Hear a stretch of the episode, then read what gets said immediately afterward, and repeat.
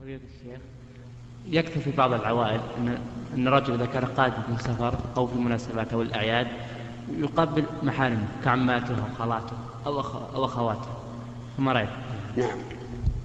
آه، تقبيل الرجل عماته أو خالاته أو أخواته أو أمهاته أو جداته أو بناته أو بنات أبنائه أو بنات بناته كل هذا جائز ولا بأس به لأنهن محارم. لكن العلماء رحمهم الله شددوا في تقبيل الفم.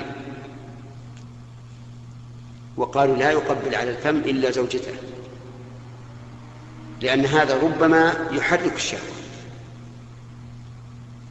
وعلى هذا فإن كان المرأة التي تريد أن تقبلها من المحارم أكبر منك فقبل جبهتها أو رأسها.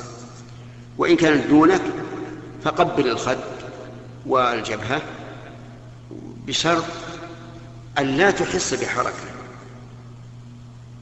فإن كنت تخشى على نفسك فلا تقبل ولا ولا تقبل. هذا هو الحكم.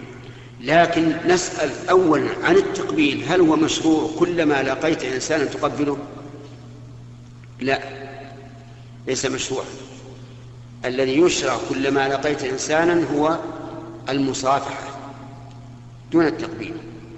إلا إذا كان هناك سبب مثل آه، يعني قدم من سفر أو كان لك مدة لم آه، تره فهذا لا بأس.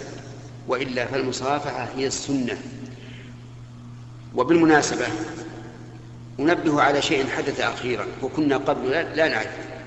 إذا لاقاك إنسان لا يأخذ بيدك ويصافحك وإنما يأخذ بإيش؟ برأسك على طول. هذا غلط. نحن لا نقول لا تقبل الرأس. قبل الرأس ممن يستحق أن يقبل.